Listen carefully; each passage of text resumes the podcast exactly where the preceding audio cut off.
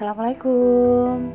Ya, saya Bunda Putri, dokter cinta dari satumeja.com. Kita hari ini ketemu lagi di podcast Pondok Curhat. Jatah saya sebenarnya setiap hari Sabtu malam, tapi karena ternyata hari Sabtu yang lalu kondisi saya sangat tidak bagus ya. drop, sangat drop, sangat luar biasa lemah. Terlalu banyak kegiatan dan ternyata faktor U. Ketika orang sudah masuk usia-usia di atas 50 wah ketahuan kalau di atas usia 50 ya. Ya saya memang sudah uh, hidup cukup lama lah untuk ikut merasakan pahit getirnya dunia gitu ya. Sudah setengah abad lewat dan di usia itu alhamdulillah sebenarnya di saat-saat uh, seperti ini saya masih mencoba untuk bertahan dengan aktivitas yang sehat ya. Jadi dari menjaga pola hidup, sorry, menjaga uh, pola makan, uh, lifestyle maksud saya adalah tetap dengan melakukan olahraga, tidur yang teratur, cukup, istirahatnya juga yang cukup, pikniknya juga cukup gitu ya. Dan saya juga banyak beraktivitas dengan hal-hal yang berkaitan dengan kemanusiaan dan itu yang membuat semangat selalu ada dan pikiran juga selalu optimis dan selalu menaruh harapan-harapan baik pada hal apa pun sehingga kita selalu punya inspirasi-inspirasi yang uh, baru gitu ya yang membuat kita juga menjadi lebih kreatif dan lebih menjadi uh, punya satu tujuan-tujuan hidup tertentu yang itu membangun kita untuk lebih bersemangat dan lebih uh, kuat dalam berusaha untuk menjaga kesehatan, menjaga umur gitu kan, agar diberikan kehidupan yang lebih bermanfaat dan diberikan karunia usia ini menjadi lebih barokah gitu. Jadi bukan panjang tapi malah sakit-sakitan ya. Tetapi lebih kan umur tetapi bisa memberikan manfaat kesehatan dan untuk uh, orang lain memberikan manfaat kebaikan. Nah, itu luar itu yang saya inginkan dan alhamdulillah sudah drop kemarin itu. Hari ini saya terbangun lagi dengan kondisi lebih baik lebih sehat dan suaranya sudah bisa didengar lebih baik lagi. Maaf ya kemarin mau ngomong uh, siaran lagi maksudnya lewat podcast. Mau membacakan tulisan-tulisan yang saya tulis kemudian uh, jadi artikel dan enak kalau kita baca lagi di podcast gitu ya ternyata saya dengar ulang aduh itu memalukan kalau untuk seorang mantan penyiar ya. Suara yang tidak enak didengar itu lebih baik nggak usah. Suara yang membuat orang jadi ikut down ikut malas ikut lemah itu lebih baik tidak usah diperdengarkan.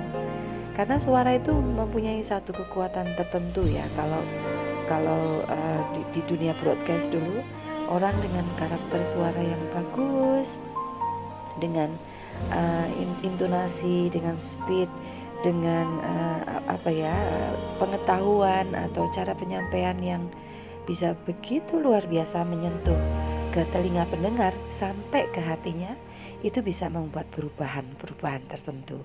Perubahannya lebih baik. Tapi sebaliknya kalau punya punya karakter suara yang uh monoton ngepas terus gitu ya uh, suaranya besar tapi rendah dan sedih gitu ya. Di mana kalau ngomong selalu menyampaikan hal-hal yang negatif mulu gitu yang yang sudah apatis pada dunia. Wah itu males tuh. Soalnya apa? Yang mendengar jadi bosan juga tidak ada semangat juga tambah gelap gitu kan.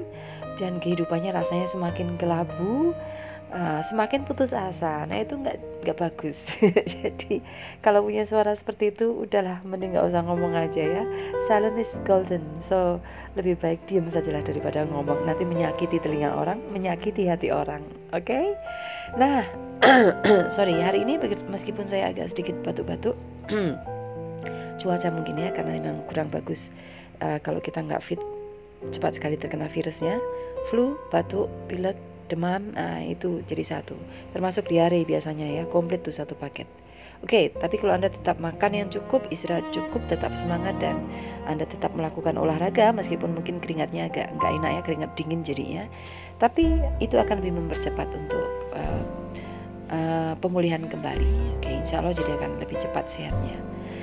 Anyway, hari ini saya ingin melanjutkan uh, topik podcast saya sebelumnya, yaitu bicara tentang bagaimana cara uh, mengenali depresi ya. Kemarin saya bicara tentang mengenali depresi. Kita sudah begitu banyak mendapatkan wawasan ilmu untuk tahu apakah kita punya potensi depresi atau tidak, dan apakah kita punya um, level depresi yang cukup tinggi atau masih dianggap ringan atau ya umum biasa dialami oleh orang gitu ya. Tapi kalau Anda bisa melihat uh, tanda petik kemarin saya bicarakan dua minggu dari apa yang rasakan uh, dua minggu dari apa yang Anda rasakan itu ternyata justru semakin buruk dan tidak membawa perubahan dan tidak membuat Anda uh, semangat lagi untuk melanjutkan kehidupan ya itu Anda harus waspada ya. Setiap kali kita tidak bisa move on dari hal-hal tertentu dan itu membuat kita semakin lemah, tidak berdaya dan putus asa, beritahu seseorang atau bagusnya begini, segeralah minta tolong karena tidak perlu merasa malu minta tolong ya. Minta tolong itu bukan hal yang memalukan. Kalau hal yang Anda lakukan itu nantinya justru akan membuat Anda sehat kembali gitu kan tertolong bersih semangat lagi dan menemukan kehidupan baru. Oke nah itu yang bagus. Nah saya ingin menyampaikan satu hal di di edisi podcast hari ini. Kenapa malu untuk curhat? Kenapa malu untuk minta tolong? Kenapa malu? Hal yang anda lakukan ini seolah-olah akan uh, membuat diri anda kehilangan harga diri. Kenapa takut anda jatuh gitu ya.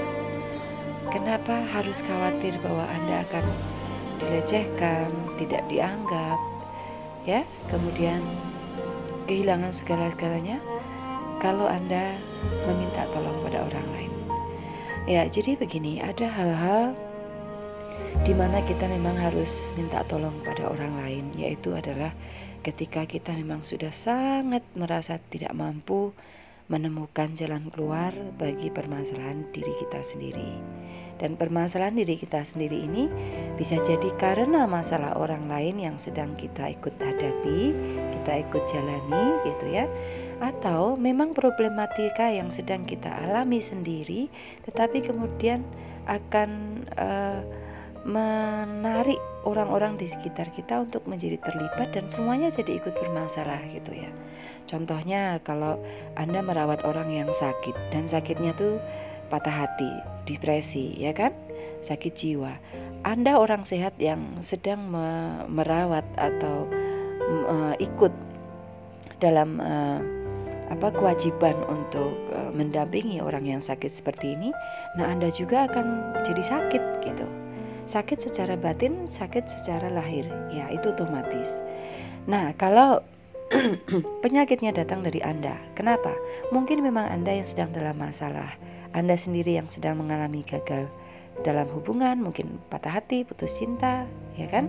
Atau mungkin tadi ada persoalan di kantor Anda ketemu saingan yang uh, buruk gitu kan, di mana di dalam kompetisinya atau persaingan bisnisnya di dalam pekerjaan Anda itu orang ini melakukan hal yang tidak sehat dan itu menyakitkan Anda sedangkan Anda merasa menjadi korban yang pada saat ini Anda tidak merasa uh, tidak bisa merasa uh, mampu untuk menghandlenya jadi Anda merasa sangat sakit, sangat marah, sangat kecewa dan uh, mungkin sedang sangat putus asa Nah, kemarahan yang Anda alami dan Anda simpan sendiri mungkin akan kena ke mana-mana.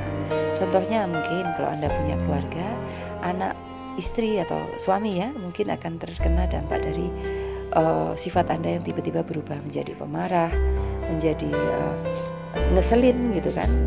Tiba-tiba menjadi kurang sabar, teriak-teriak mulu, marah-marah terus, atau uh, uh, berisik dan annoying gitu ya. Artinya eh, tiba-tiba sifat Anda atau sikap Anda ini menjadi menjengkelkan. Nah, itu kan penyakit dari Anda akibat dari apa yang Anda alami di luar, tetapi terkena dampaknya bagi keluarga kita, keluarga besar kita, yang kemudian jadi ikut sakit karena Anda. Oke, pada hal-hal tertentu seperti ini, ketika kita sudah angkat tangan pada uh, rasa sakit, penderitaan dan dan gangguan-gangguan yang Anda rasa Anda sudah tidak sanggup lagi menahannya. Perlu nggak minta tolong? Ke siapa minta tolong? Perlu nggak curhat? Kepada siapa curhat? Ada dua hal ya yang harus diperhatikan kalau kita minta tolong dan curhat. Walaupun yang utama sepertinya saya selalu menyarankan apa pun kondisi dan keadaan kita, apa pun agama dan keyakinan kita, apabila kita sebagai orang yang beragama dan percaya bahwa Tuhan itu ada dan Ia Maha Hidup, maka pada setiap kali kita mendapatkan peristiwa yang menguji kesabaran kita, menguji kekuatan kita, maka yang harus kita lakukan adalah kembali kepadanya. Artinya, ya kita harus banyak beribadah, ya kan? Perbaiki ibadahnya, banyak berdoa. Atau kalau orang Islam seperti saya sebagai muslim, kewajiban saya adalah ketika sama sekali tidak menemukan uh, jalan keluar atau sudah merasa sangat putus asa atas usaha-usaha apa pun yang saya lakukan atas masalah saya, maka curhat atau meminta tolong di atas sajadah itu adalah hal yang paling uh, saya utamakan. Jadi itu tempat favorit saya ya. Curhat di atas sajadah, menangis, bicara, marah, komplain apa pun itu, tetapi bicara dalam posisi itu yakin bahwa Allah mendengar, Allah mengetahui bahkan yang tersembunyi ya kan. Dan Allah itu maha berkuasa. Jadi segala sesuatu kalau kita sampaikan dengan benar gitu kan, jelas apa ceritanya, apa maunya, apa keinginan kita dan apa kebutuhan kita. Allah lebih mengetahui apa yang terbaik dan yakinlah bahwa Allah itu memberikan jalan keluar dan pasti ada usaha seperti itu. Sayangnya, teman-teman, ada beberapa orang yang tidak bisa dinasihati, terutama orang yang sedang sangat senang, orang yang sedang jatuh cinta, misalnya. Ini adalah orang-orang yang sedang susah untuk dinasihati, terutama orang yang sedang dalam posisi sukses, kaya, gitu kan, sangat populer, luar biasa lah pokoknya. Ini orang-orang yang sedang dalam ujian yang malah sulit gitu ya. Karena kalau orang sakit diuji enak kelihatan oh sakit. Kalau orang dalam masalah kesulitan diuji oh usahanya sedang seret nggak apa-apa sebentar lagi juga ada rezeki. Tapi kalau orang diuji dengan kekayaan susah untuk mengetahui apakah kita ini sedang diuji atau tidak. Sama kayak kita ketika sedang jatuh cinta susah untuk dikasih tahu begitu ya hal-hal yang yang keliru atau hal-hal yang yang salah yang semestinya kita ingatkan untuk dia supaya jangan begini jangan begitu. Kalau enggak nanti kamu akan begini loh. Hati-hati awas waspada. Nah itu dua orang yang dalam kategori susah untuk dinasihati ya. Nah kembali lagi pada um, kalau orang tidak bisa dinasihati untuk kembali pada ibadahnya masing-masing kepada keyakinannya masing-masing ya. Kalau orang tidak bisa dinasihati untuk kembali kepada Tuhan uh, dalam mencari solusi permasalahan hidupnya, sebetulnya kita bisa mengajak atau sedikit memaksa gitu kan? Atau kita bisa menyituasikan diri lah mengondisikan diri kepada situasi supaya orang yang kita tolong ini uh, bukan karena niat kita tetapi kemauan dia sendiri untuk akhirnya mau minta tolong ya. Ada kunci lain lagi untuk saya tanda petik saya orang yang tidak bisa menolong orang lain um, secara langsung. Kecuali memang dia orang yang membutuhkan saya dan minta pertolongan saya. Nah itu susah ya kalau kita mau menolong orang yang tidak mau ditolong kan bagaimana gitu kan?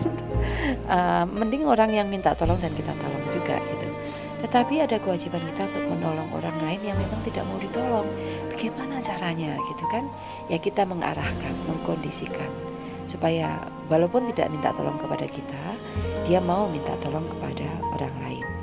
Oke, kenapa saya menceritakan uh, apa bukan menceritakan menceritakannya nanti sesudah ini. Kenapa saya mengangkat topik ini? Kenapa penting orang curhat ya? Kenapa perlu orang minta tolong? kepada siapa dan harus bagaimana meminta tolong itu. Nah, bicara dengan orang lain, minta tolong kepada orang lain, bicara melalui uh, seperti ini ya, uh, telepon, terapi melalui konsultasi chat grup, WA, internet, email dan sebagainya. Salah satunya melalui pondok curhat seperti saya seperti ini ya misalnya. Kenapa menjadi penting dan kenapa itu menjadi salah satu solusi yang menjanjikan? Sebab tanpa Anda harus membuka rahasia Anda, tanpa harus menyebutkan siapa Anda, nama, usia, tempat lahir, kerjanya di mana, profesinya apa dan uh, kita nggak perlu tahu siapa Anda, tetapi sepanjang Anda detail dengan kondisi Anda pribadi dan masalah Anda, uh, curhat itu akan membantu Anda menemukan jalan keluar. Setidaknya kalau Anda tidak tidak mendapatkan solusi yang uh, paling tepat gitu ya untuk untuk masalah yang sedang Anda hadapi, tetapi dari poin-poin masalah yang kemudian Anda menarik benang sendiri dari uh, baik dan buruk gitu kan. Kemudian skalanya kan prioritasnya mana yang didahulukan, mana yang harus uh, ditinggalkan dan mana yang harus dibuang. Lalu Anda bisa membuat pilihan-pilihan, oh kalau begini harus begitu. Kalau nanti begitu, oh berarti aku harus begini. Nah, ketika Anda bimbang dalam menentukan keputusan itu, curhat kepada orang yang benar atau ke tempat yang benar, itu bisa membuka Anda untuk lebih jelas melihat permasalahan Anda, bisa lebih menguatkan Anda ketika membuat keputusan tanpa mempengaruhi Anda secara pribadi. Karena bagaimanapun setiap manusia memiliki permasalahan, maka hanya dia juga yang harus membuat keputusan sebab dia juga sendiri nantinya yang akan menjalani apa pun konsekuensi dari keputusan itu. Bukan orang lain. Kalau orang lain yang membuat, nanti disalahkan kamu sih yang suruh, gitu kan? Kalau orang lain yang membuat keputusan lalu Anda ikuti, nanti akan disalahkan Nah itu kan saya, kenapa bukan kamu sendiri buat keputusan? Kalau cara saya begini, mungkin kamu nggak bisa. Nah itu hal-hal yang akhirnya jadi, jadi menjengkelkan gitu ya. Saling menyalahkan, menyalahkan dan saling mencari kambing hitam. Oke, balik lagi ceritanya jadi panjang. Saya ingin bercerita sekarang. Nah, kenapa penting curhat? Kenapa penting minta tolong dan apakah uh, pondok curhat seperti tempat saya ini mencari solusi. Dulu ketika saya memegang acara konsultasi di radio itu dilakukan secara online ya, uh, live, live show uh, di 70 kota radio di seluruh Indonesia serentak menyiarkan acara ini dan uh, ditambah juga waktu itu pun sudah ada radio streaming ya awal-awalnya streaming jadi orang bisa mendengar uh, acara siaran saya dari seluruh uh, dunia sebut saja karena nggak hanya di Indonesia gitu ya. Dan kita bisa mencari solusi hanya dengan cara curhat online ini. Dari mengirimkan permasalahan kita sedikit lega karena kita punya harapan akan ada solusi. Kalau kita pasif sebagai pendengar, dari mendengar permasalahan orang lain, kita jadi belajar untuk mendapatkan wawasan baru. Bagaimana cara mengatasi permasalahan-permasalahan? Barangkali curhatan orang lain itu mengenai kita atau sama dengan problem-problem yang sedang kita hadapi. Oke, jadi di antara waktu yang sekian tahun itu, ribuan kasus yang masuk dan rata-rata uh, melalui SMS dalam beberapa jam siaran, dua jam ya misalnya sebut saja itu bisa sampai 800 hingga 1000 SMS rata-rata yang masuk. Nah, kalau dalam waktu siaran 2 jam tidak mungkin 1000 SMS kita baca semua kan? Artinya secara naluri saya akan cepat sekali matanya itu bisa membaca sederet tulisan dan menangkap posisi-posisi kata-kata apa gitu yang ada kuncinya gitu yang terasa oh ini penting oh ini harus segera dibaca oh ini harus segera uh, diselesaikan atau dicari solusinya. Nah, diambil rata-rata dari 1000 SMS pesan uh, masalah itu kurang lebih hanya 100 kalau cepat ya 200 gitu ya. Masalah-masalah yang kita bisa cepat uh, jawab, jawab, jawab dan jawab. Nah biasanya kalau masalahnya berat, saya ambil untuk satu uh, artikel penuh saja.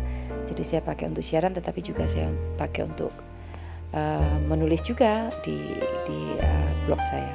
Nah ada tiga kasus yang ingin saya angkat bahwa curhat itu penting dan bagus gitu untuk mencari menjadi cara bagi Anda mencari solusi.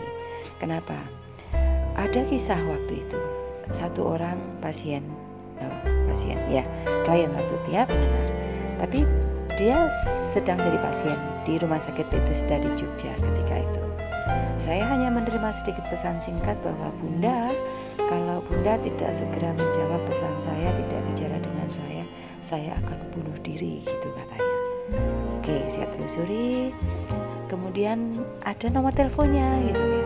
Kebetulan uh, saya ada ada ada ya, sesi di mana saya boleh telepon juga untuk mendengar kadang-kadang ya live show juga. Jadi ketika ketika itu saya telepon.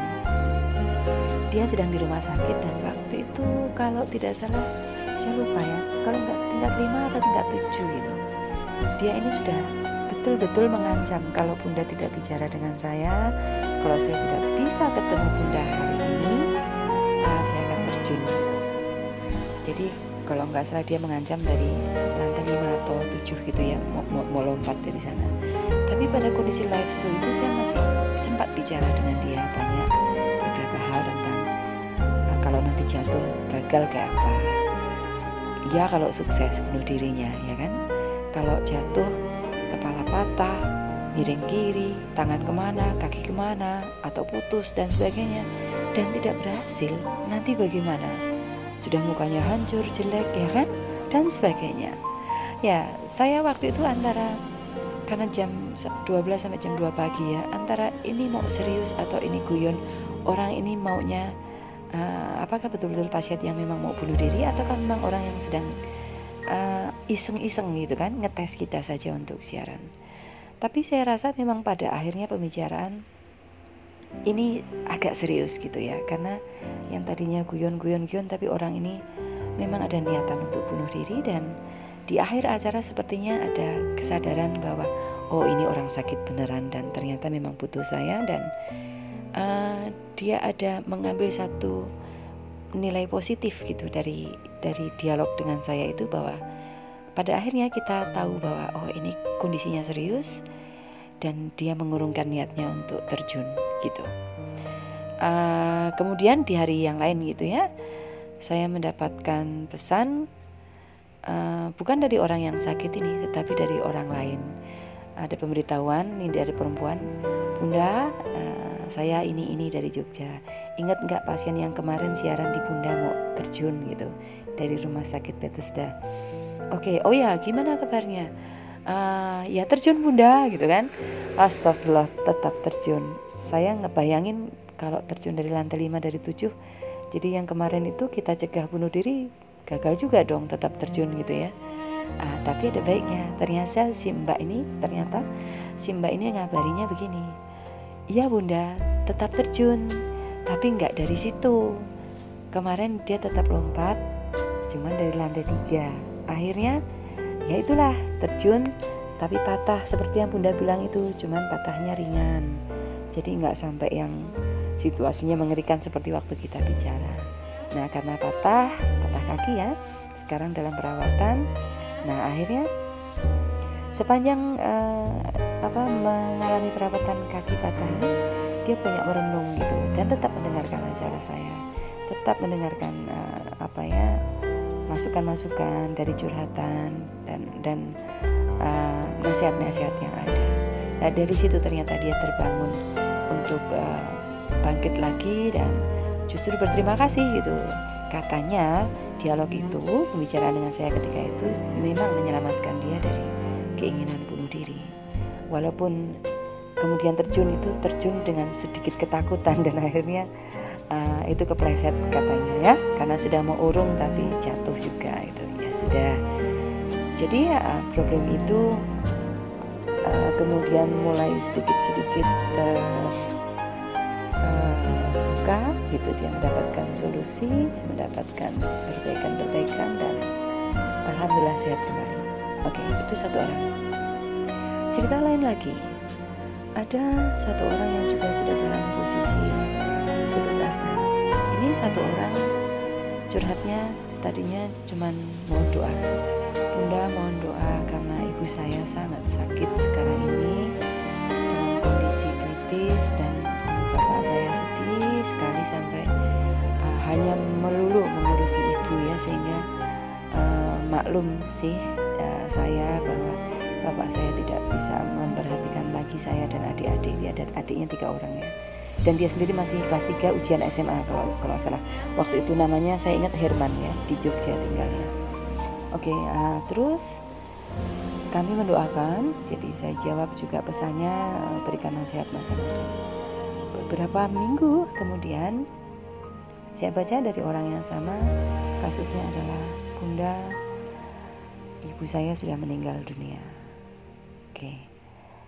Jadi kita bayangkan ya kalau seorang anak ibunya meninggal dunia bapaknya uh, tentu sedang dalam posisi yang sangat berduka sibuk ya tanggungannya macam-macam karena tidak begitu uh, mampu juga secara ekonomi dan adiknya tiga orang mana sekolah semua kan yang kecil-kecil juga banyak.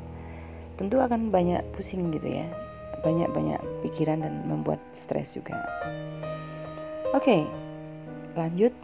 Beberapa uh, beberapa saya saya rasa 10 hari kalau nggak salah. Sebab SMS lain datang SMS-nya mengatakan begini Bunda baru seminggu ibu saya tidak ada hari ini bapak saya pun menyusul meninggalkan kami semua artinya saya merasa bahwa Herman ini kehilangan ibunya dan kemudian kehilangan ayahnya yang juga sama-sama sakit ternyata waktu itu ya.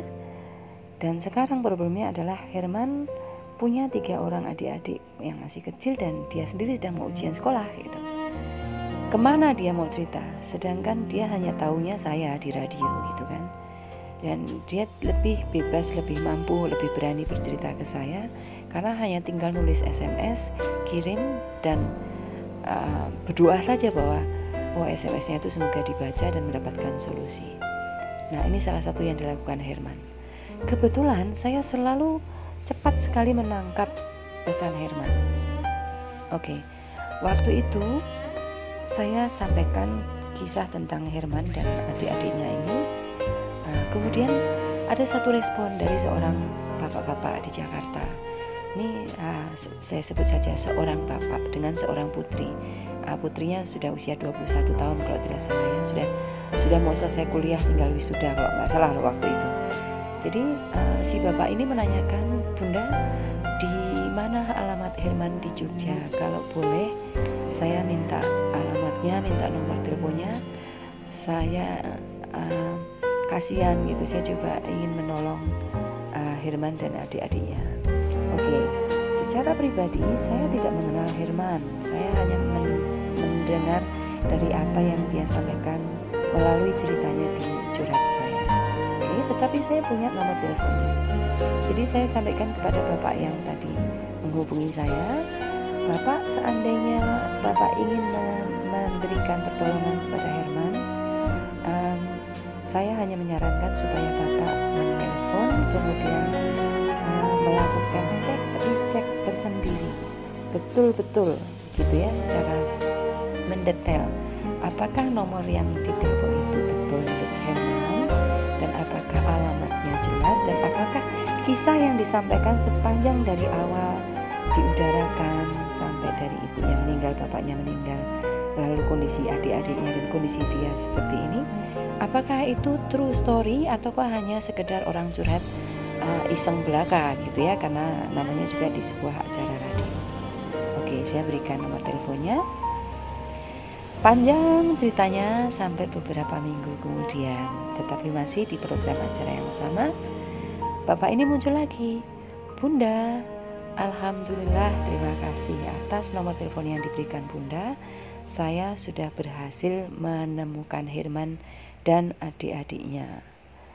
Lalu dia bilang begini, dan Alhamdulillah Bunda, saya sedang mengusahakan uh, Herman dan adik-adiknya untuk saya boyong semua saya bawa ke Jakarta sebab atas permintaan anak saya yang perempuan tadi karena dia tidak punya uh, apa uh, kakak dan adik ya karena dia anak tunggal dia tidak punya saudara dia ingin mengadopsi Herman sebagai adik dan adik-adiknya sekaligus gitu untuk tinggal uh, satu rumah dengan si bapak ini di Jakarta. Oke. Okay. Alhamdulillah begitu ya. Ceritanya lagi, terus ini masih panjang posisinya ya. Oke, sepanjang Anda tahu, saya saya melakukan uh, kewajiban saya di siaran radio program konsultasi ini uh, panjang ya, tidak dalam waktu pendek. Jadi uh, hampir tiga tahun. Jadi banyak kisah yang saya bisa ikuti dari awal sampai akhirnya cerita itu. Cerita tentang Herman ini adalah kemudian dia sudah pindah ke Jakarta tinggal dengan keluarga barunya ini uh, sekolah semuanya gitu ya uh, dan uh, ada satu cerita lagi Herman kemudian belakangan dia menghubungi saya melalui pesan juga Bunda terima kasih atas kebaikan Bunda karena Bunda lah saya bisa mendapatkan seorang ayah dan seorang kakak perempuan yang tidak pernah saya miliki sebagai pengganti orang tua saya yang sudah tidak ada. Tetapi Bunda, hari ini kakak saya menyuruh saya untuk menyampaikan pesan kepada Bunda, tetapi Bunda tidak usah bersedih hati katanya, sebab kakak saya bilang kami sudah ikhlas sekali sudah menerima, sebab mungkin memang beginilah cara Tuhan menolong kami. Anda mau tahu apa yang terjadi? Ya, pasti ingin tahu ya. Jadi SMS-nya begini ceritanya. Bunda, hari ini kakak menyuruh saya untuk menyampaikan kepada Bunda bahwa ayah kami telah meninggal dunia. Tetapi kami hari ini lebih merasa kuat sebab tidak sendiri. Jadi apa pun sebetulnya segala sesuatu berpulang kembali kepada Allah SWT. Hidup, mati, jodoh, rezeki, tidak pernah ada satu orang pun yang tahu apa yang akan menimpa kita, bagaimana ceritanya, bagaimana perjalanannya, bagaimana setiap penderitaan akan menjadi kebahagiaan, dan bagaimana setiap kebahagiaan bisa berakhir menjadi penderitaan kembali. Tapi begitulah hidup dunia berputar, selalu seperti roda kadang di atas dan di bawah, begitu kan?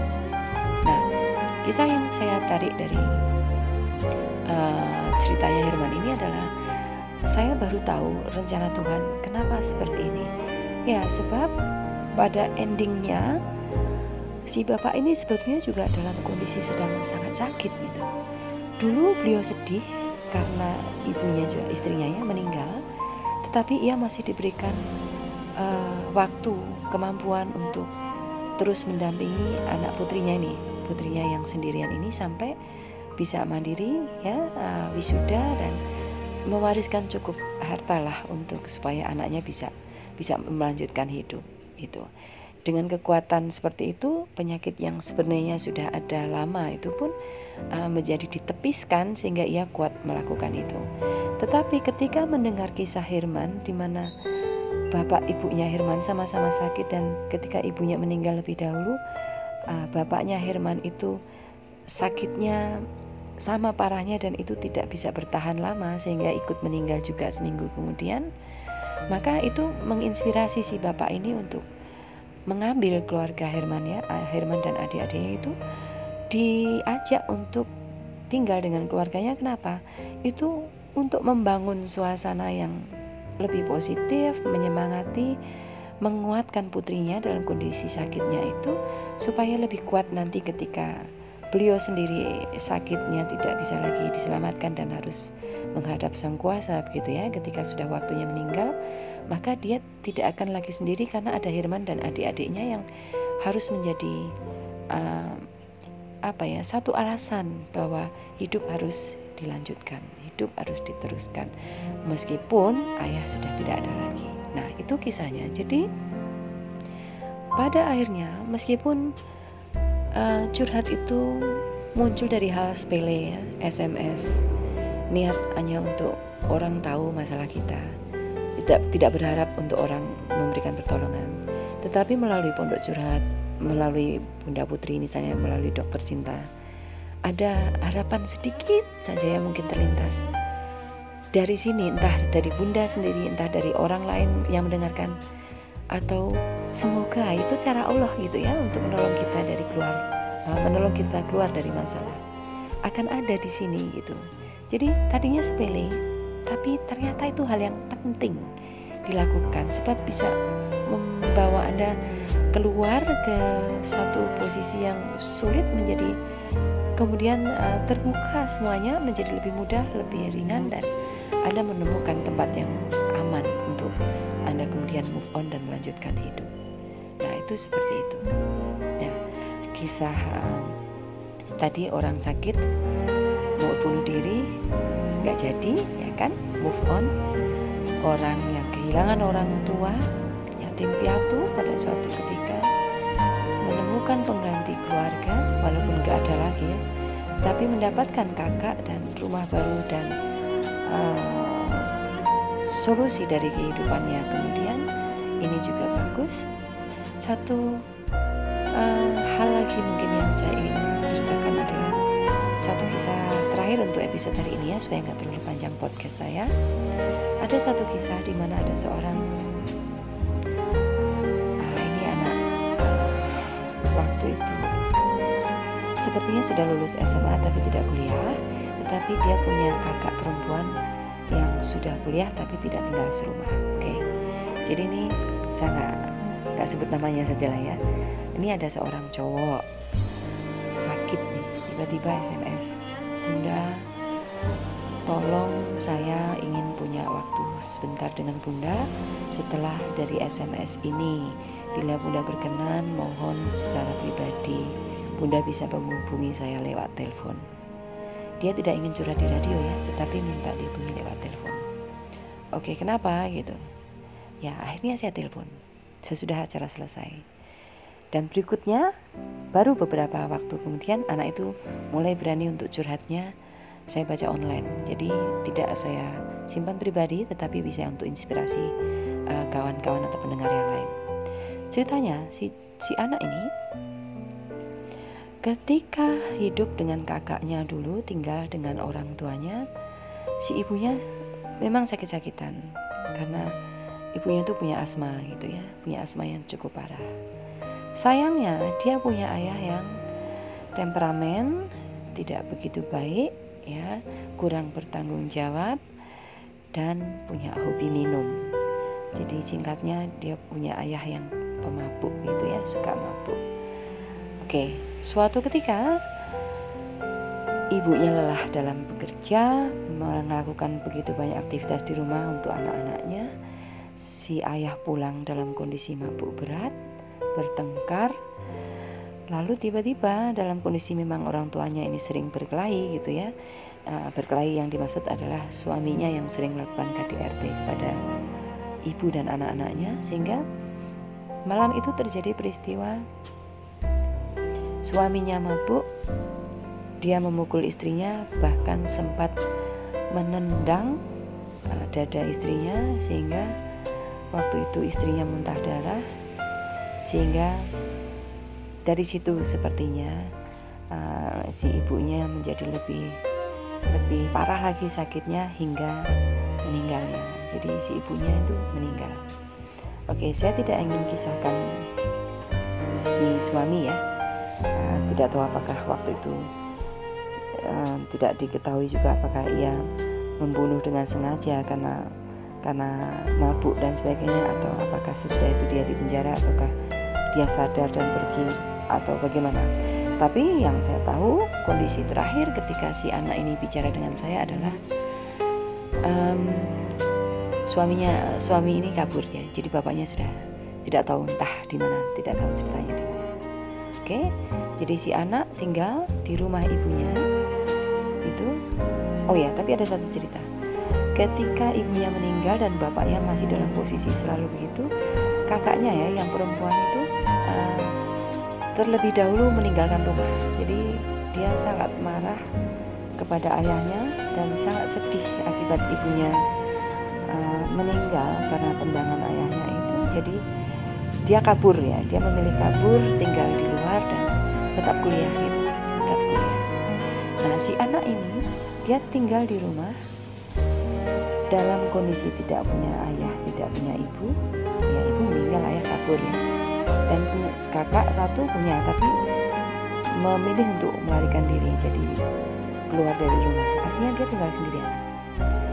Dengan dengan kondisi rumah yang seperti itu dia tetap sekolah tanpa pendampingan tanpa pengasuhan depresinya sudah cukup tinggi masuk pada pergaulan yang salah artinya dia terjerumus kepada narkoba sehingga pada saat ketemu saya sebenarnya dia dalam kondisi apa masalahnya kenapa perlu saya dan kenapa minta saya telepon?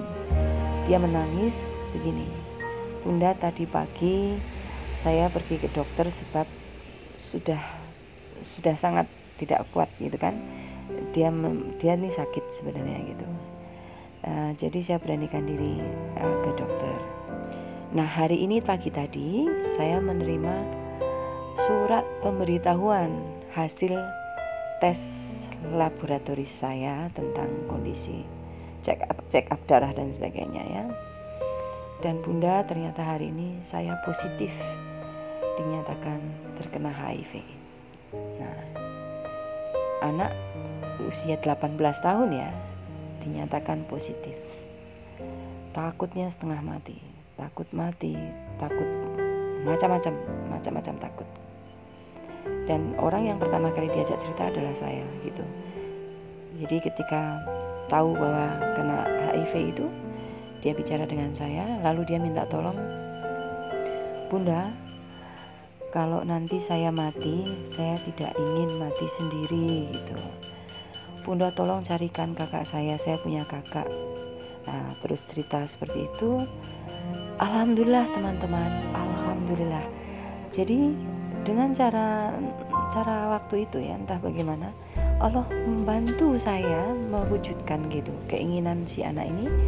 Pada akhirnya lewat teman-teman dan teman entah bagaimana caranya ya si si kakak ini bisa mendapatkan kabar gitu ya melalui radio itu. Jadi si kakak ini akhirnya pulang dan menangis di situ tahu kalau adiknya ternyata dalam posisi sudah dying ya sudah ya memang sudah sekarat gitu tapi dia tidak mau dirawat jadi memang bersembunyi di rumah. Seperti itu. Nah uh, kakaknya ada sekarang merawat dia gitu. Ya. Tapi tidak satu uh, solusi ini kemudian selesai teman-teman. Jadi ada kisah lain lagi yaitu ketika uh, kakaknya ini sedang kuliah tidak ada di rumah. Lalu suatu malam teman-temannya di bawah tuh sama. Namanya juga orang suka uh, ngedrak gitu ya. Artinya memang mereka sudah terjerumus ke dalam narkoba. Jadi ya teman-temannya datang bawa utang gitu. Ada yang bawa suntikan ya kan ada bawa bawa um, jarum dan sebagainya. Nah, ini anak bagusnya dia masuk kamar. Jadi ketika teman-temannya datang dan mereka melakukan pesta pura narkoba di situ dia telepon saya gitu bunda teman-teman saya ada di sana. Saya apa sudah berjanji dengan bunda tidak akan melakukan lagi apalagi saya sudah positif air. Sudah positif kena HIV jadi saya harus bagaimana? Gitu. Jadi waktu itu dia tanya ke saya apakah saya harus mengusir mereka? Ataukah saya tidak ingin tergoda lagi dan tidak ingin terlibat lagi? Ataukah uh, saya harus lapor ke Pak RT waktu itu ya saya sarankan waktu itu memang lebih baik kamu pergi ke Pak RT kasih tahu bahwa ada orang-orang yang melakukan pesta narkoba di situ dan kamu tidak terlibat gitu. Itu tapi waktu itu dia takut sebab karena saya dulu juga pernah begitu. Nanti Pak RT-nya gak percaya nanti saya juga disuruh uh, nanti saya dikira juga ikut pesta narkoba. Oke jadi maunya gimana? Uh, akhirnya si anak ini punya keputusan sendiri Bunda kalau saya bilang saja ke teman-teman bahwa ini uh, adalah momen yang pas kalau saya beritahu ke mereka bahwa saya terkena HIV. Bagaimana menurut Bunda? saya bilang ke dia apakah itu menurutmu bagus atau tidak karena ada dua risiko kamu sampaikan sekarang maka kamu kehilangan teman-teman kalau kamu lakukan sekarang itu akan baik karena kamu akan selamat dari mereka kalau tidak terjadi hal itu maka satu-satunya jalan memang kamu harus pergi ke Pak RT itu ya. Artinya harus keluar dari rumah itu. Supaya supaya tidak ikut-ikutan. Ya, dalam pikiran saya saya khawatir kalau dia pakai foto lagi atau nyuntik lagi ya. Pada saat itu juga nanti mungkin dia malah akan meninggal overdosis gitu ya. Nah oke okay, akhirnya singkat cerita saya tahu kemudian cerita dari dia juga uh, bahwa dia ternyata memang bunda terima kasih.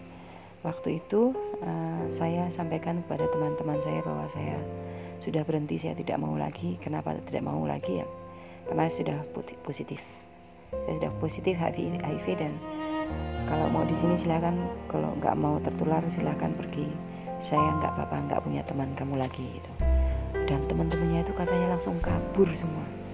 Tidak ada yang mau di situ dan tidak ada lagi yang mau ketemu takut tertular ya. Oke. Cerita sampai beberapa bulan kemudian uh, ending ceritanya ya Anda tahu sendirilah ya. Pasien ini meninggal dunia juga tetapi ada positifnya karena si kakak kembali dan tinggal di rumah itu dan pada hari-hari terakhir ketika ajal menjemput sebelum meninggal uh, masih bisa merasakan kasih sayang dari kakaknya yang merawat mendampingi hingga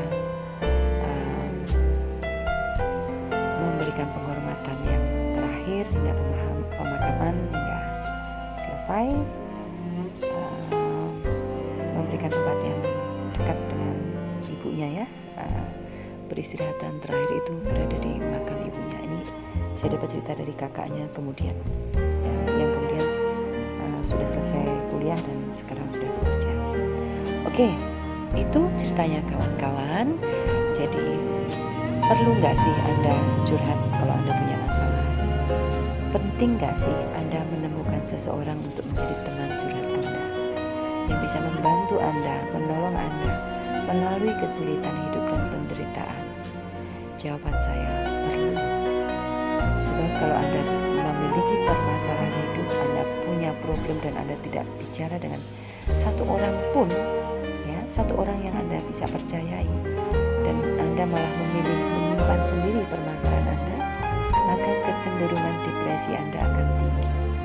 Nah, pada level depresi Anda cukup tinggi, maka riskan uh, orang akan mampu mengatasi permasalahan itu sehingga ditakutkan orang akan melakukan bunuh diri.